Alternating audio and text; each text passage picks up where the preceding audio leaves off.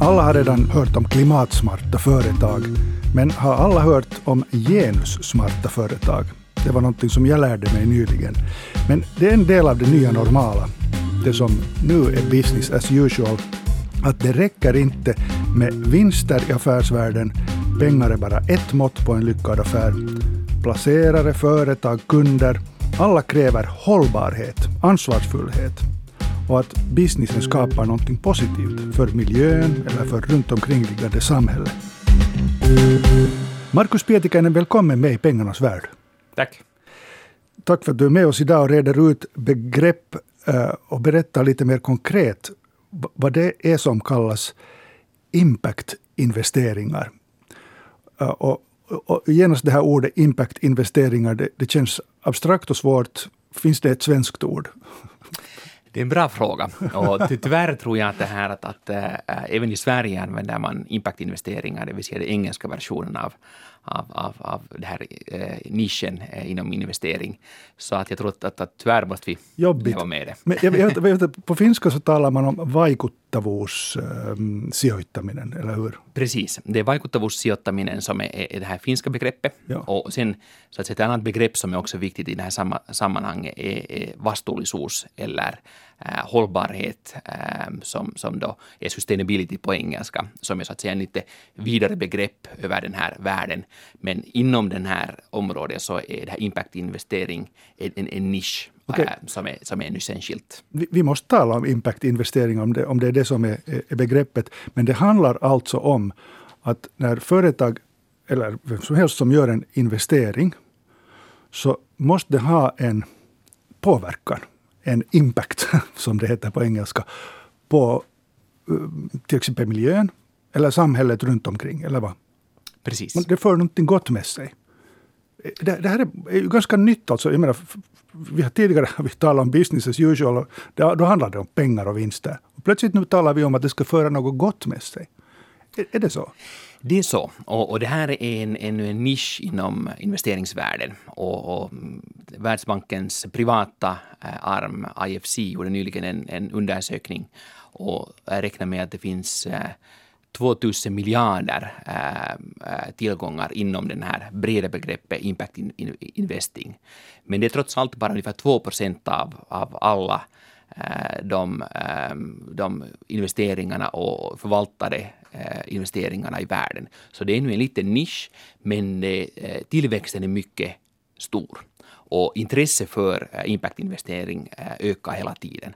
Och det är ett relativt nytt fenomen i Finland. Ja. Därför tror jag att det är jätteaktuellt att tala om, om det och de möjligheter det finns där. Vad man då faktiskt har ett syfte med att investera.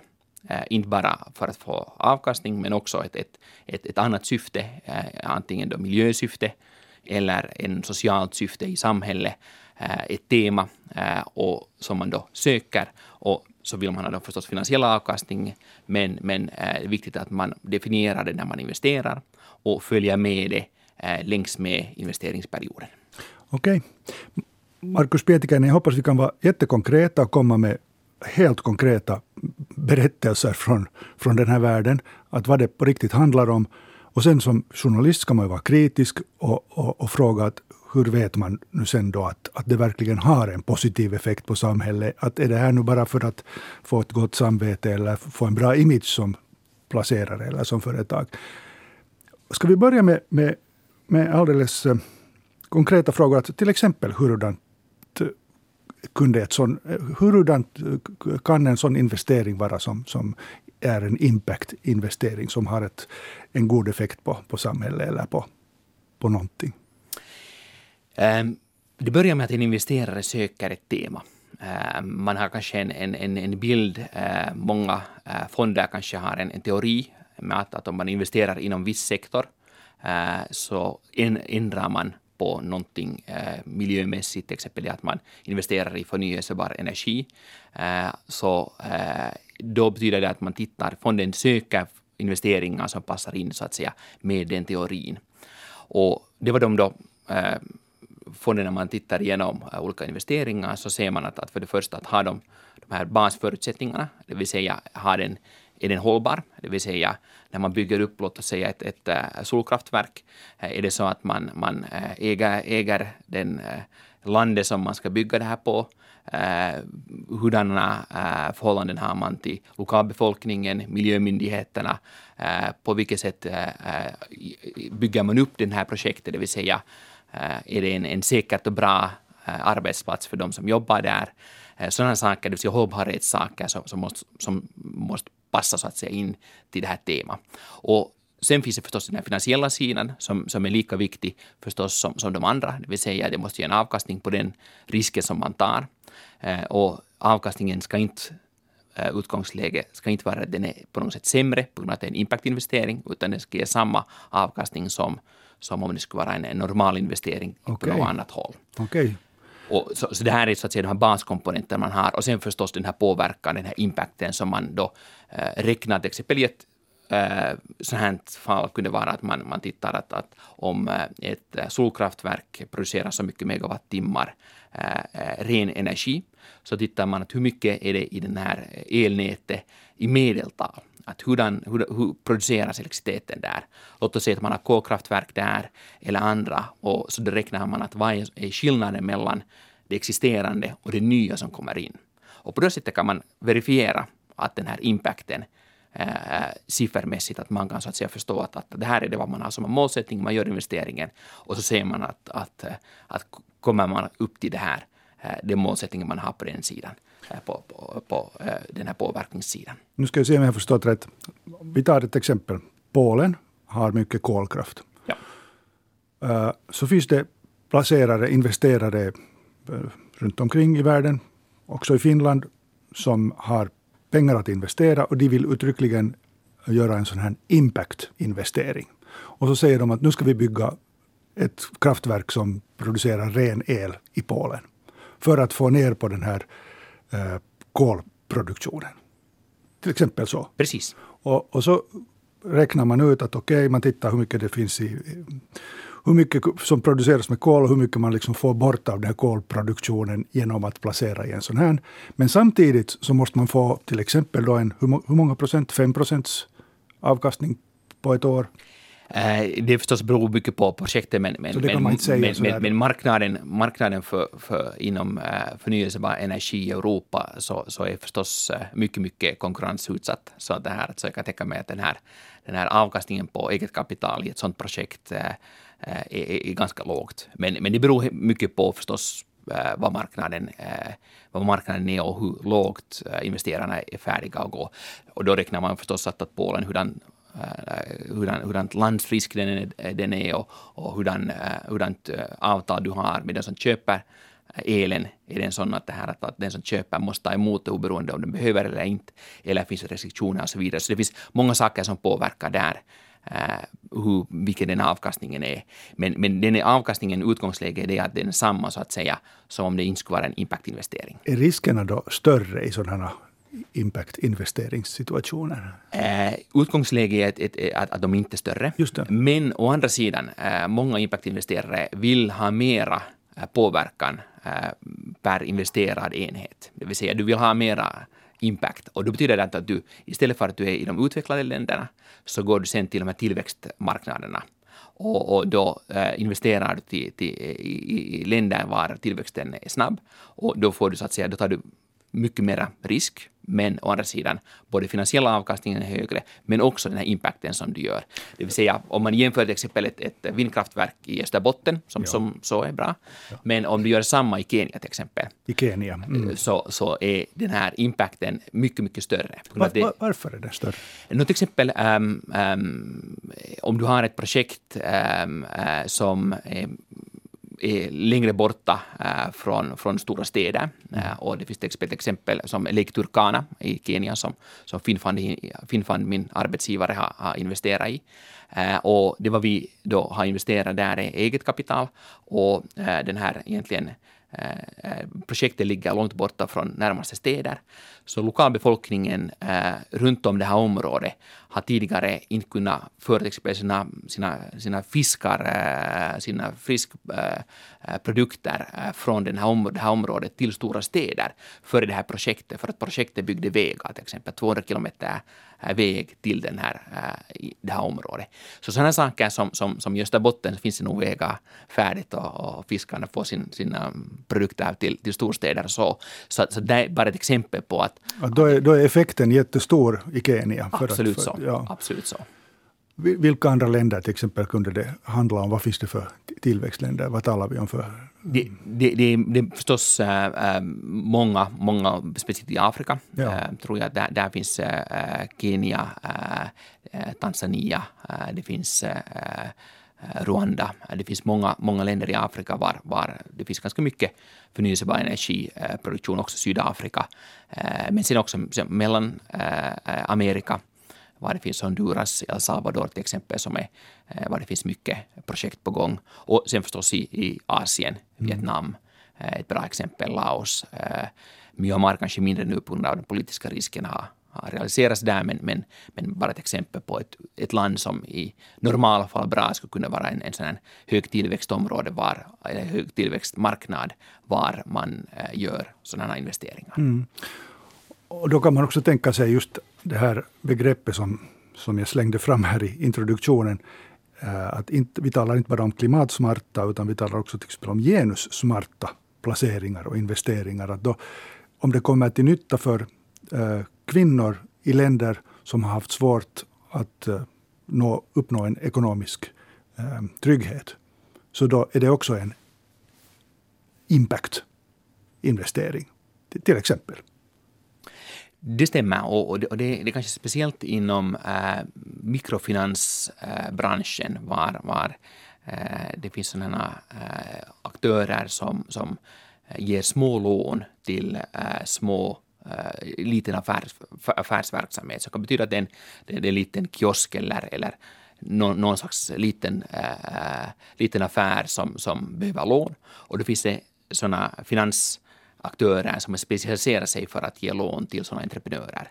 Och då finns det möjlighet att, att om man som en impactinvesterare ser, ser att, att det här är till exempel ett tema man vill eh, investera inom, så då kan man eh, helt enkelt investera i sådana aktörer. Och då vet man, till exempel man kan mäta det med att titta att, att hur, många, hur många kvinnor som har fått ett lån. Eh, I vissa av de här länderna så, så eh, finns det till exempel Äh, rättigheterna för kvinnor och män är mycket olika äh, och det här förstås förstärker sen kvinnans ställning i, i, i sådana länder. Så jag tror att det finns på vilket, beroende på vilket tema man väljer så finns det möjligheter att investera. Och förstås de här också högtillväxtmarknaderna betyder att, att finansiella avkastningen är mycket god också. Men, men, men förstås om man är en impactinvesterare så söker man det på basen av det tema man vill, man vill ha påverkan på. Mm. Det handlar hela tiden om dels ansvarsfullhet, men dels också att göra, få avkastning, göra vinster. Vi diskuterar här alltså nu i pengarnas värld med Markus Pietikäinen som jobbar på Finnfund som uttryckligen placerar pengar i det som kallas tillväxtmarknader. Då som till exempel olika afrikanska länder, Latinamerika och Asien. Och Asien, precis. Just de tre områdena? De, ja. Okej. Okay. Och när ni äh, placerar så är det vilken storleksordning, liksom, vad heter det, hurdana summor talar vi om?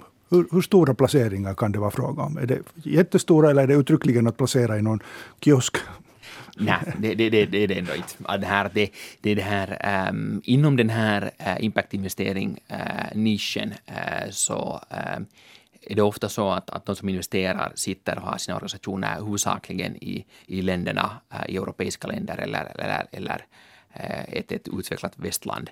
Och de har äh, små kontor eventuellt i de här, de här länderna, men, men man gör lite större äh, investeringar i medeltal. Så, så det, alltså, vi, du talar, vi talar inte bara om finska statens pengar, utan också om privata placerare?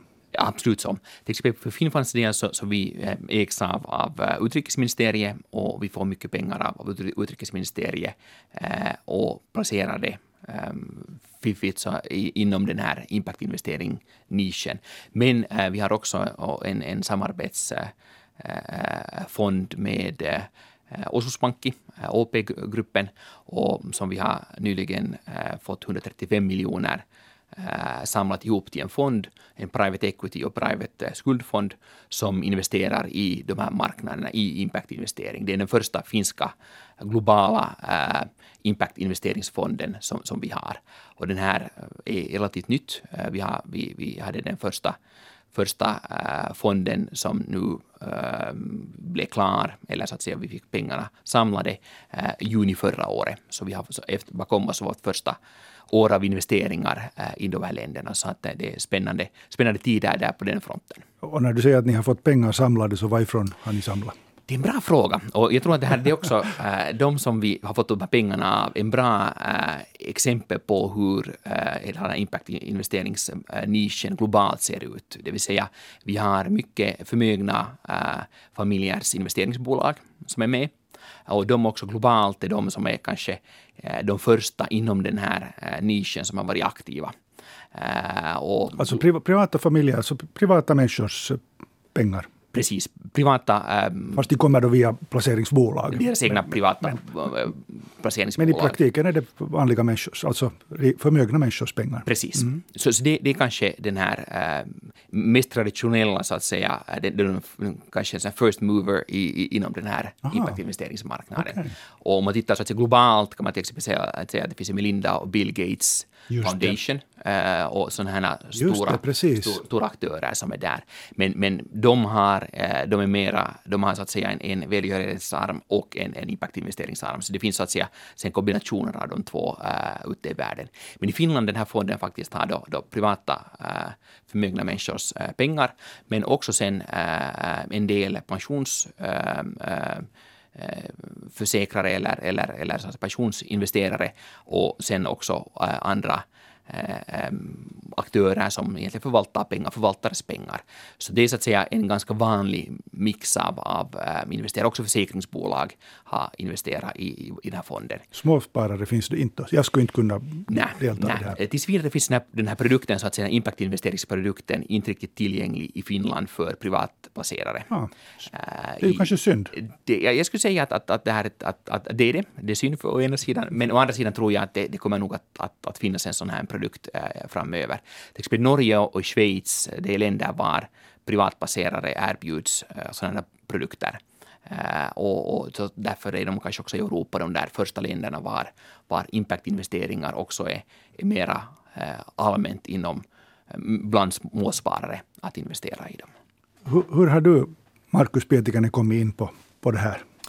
Det, det, min bakgrund är inom finansbranschen. Eh, jag är en ekonom från Helsingfors och jobbar på, på, på eh, investeringsbank i London eh, och jobbar sen efter det på ett industribolag i, Finland i, i 12 år inom, inom också investera i de här länderna under den tiden och, och, och jag drog ett affärsområde också för, för det bolaget. Och satt tidigare i Finnfunds styrelse och, och sen, sen för fyra år sedan hade jag möjligheten att ta över den här operativa verksamheten och investera, titta efter investeringarna men också sen på portföljförvaltningen. Och jag ser att det här är en, en jättespännande nisch eh, som eh, tillväxten är jättestor och, och ger jättestora möjligheter. Eh, så jag tror att, att, att, att på det sättet är det spännande att se. Under de fyra åren jag har varit med operativt här så har vi haft eh, mycket tillförlit av vår ägare men också privatinvesterare för vår eh, investeringsfunktion eh, och vår, vår plattform och jag tror att, att, att det ser ut att, att bara öka intresset hela tiden. Så, så det är faktiskt ett, en spännande bransch och rätt tid att jobba inom den här branschen. Du sa att du har jobbat länge inom ett industribolag i Finland. Får jag vara nyfiken och fråga vilket? Eh, jag jobbar på Wärtsilä okay. Ehm, en, en, en, längre tid och, och, och, där så att säga kanske också min bakgrund att, äh, kring äh, kraftverk, äh, affärsområde. Så, så, så mm, jag förstår hur kraftverk byggs äh, i, i de här länderna och det har också förstås hjälpt till när vi investerar i motsvarande kraftverk globalt. Vi talar här nu om, om energi och, och har snuddat också vid andra typer av projekt. Men eh, vilka är de mest, liksom, finns, finns det något som mest typiska impact-investeringsobjekt? Eller alltså vad är det man investerar i typiskt när det handlar om impact-investeringar? Det, jag skulle säga att det, den, den, det tema som för tillfället är äh, starkast är äh, eh, miljö och, och jag, jag skulle säga att det är kanske den som är, är, är den främsta för tillfället och där är det då frågan om, om klimatinvesteringar. Det vill säga i praktiken förnyelsebar energi, men också en del skogsinvesteringar som är lite mindre, men det håller på att öka. Det är intresse också för, för, för den här. Skogsinvesteringar betyder vad då?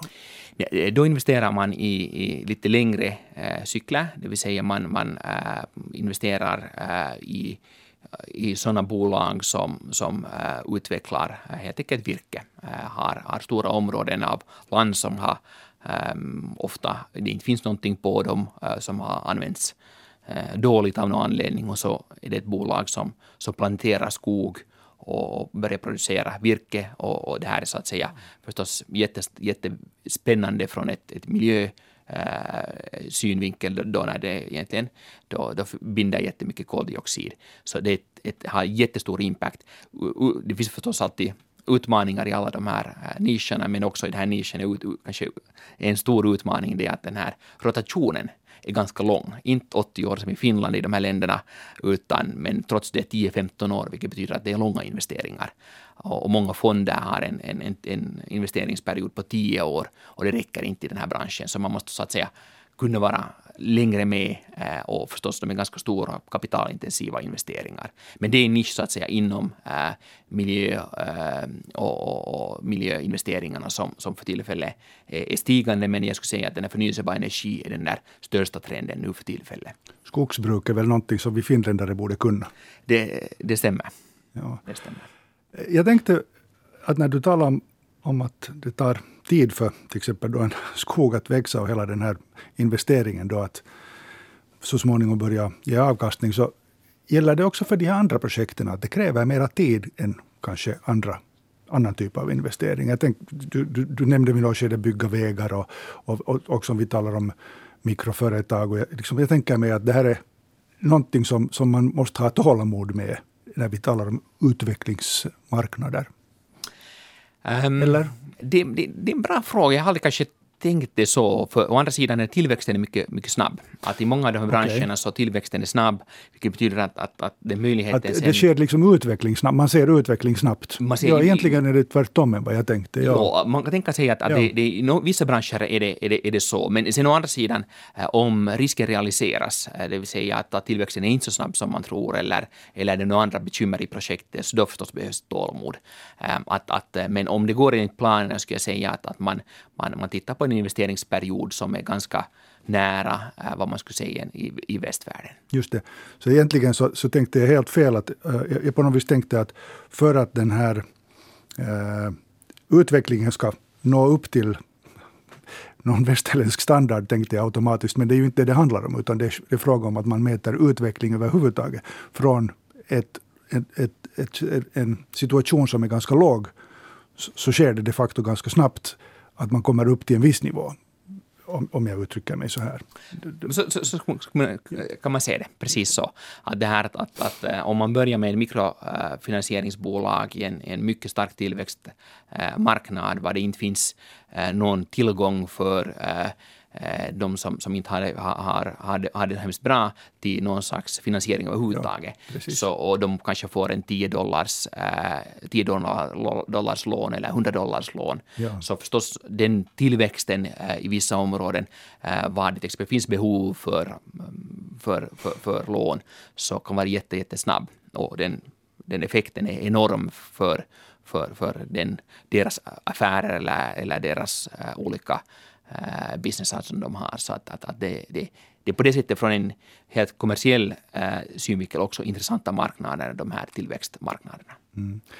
Så tänker jag nu på det att mm, när vi talar om fonder och, och äh, placerare som sitter i Helsingfors eller i London eller var som helst och tar beslut. Hur vet man hur det ser ut på platsen? För det måste man ju då veta väldigt konkret, eller hur? När vi talar om skogar och vägar och kiosker. Absolut så. Absolut så. Jag, jag, skulle säga att, det här, att när man äh, investerar inom den här nischen så måste man veta vem, vilka aktörer man, man, äh, man är med.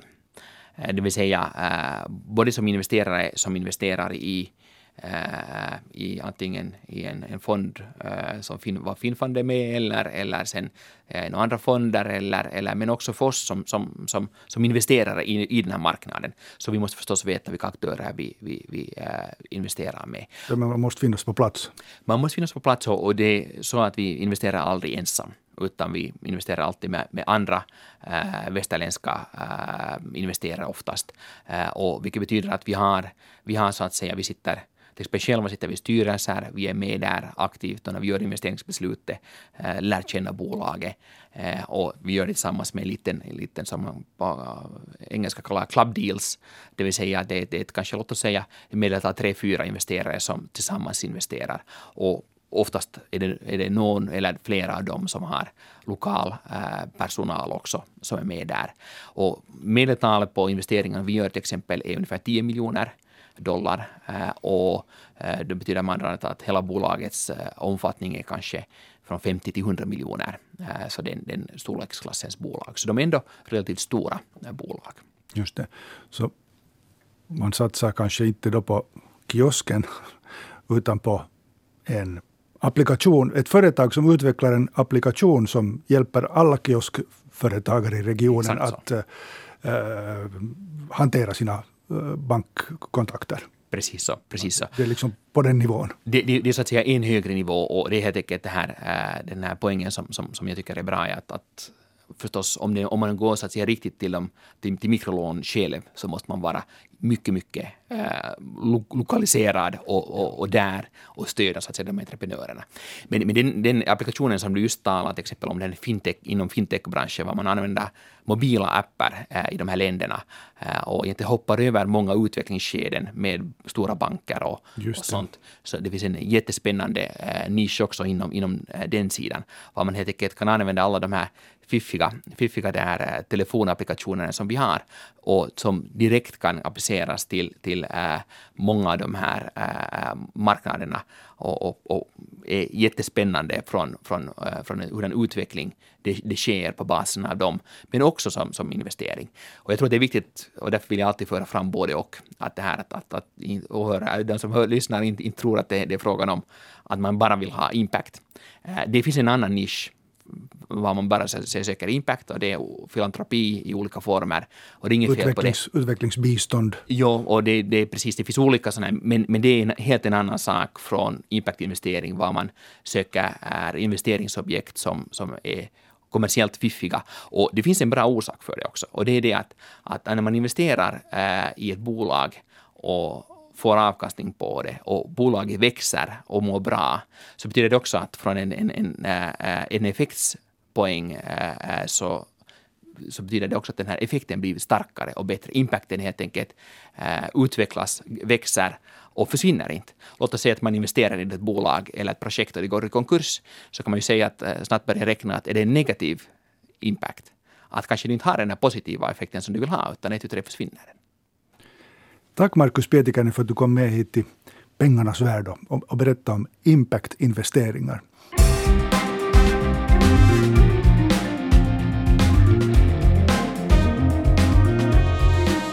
Du har just hört I pengarnas värld med Pekka Palmgren. Nästa vecka nytt tema och ny gäst.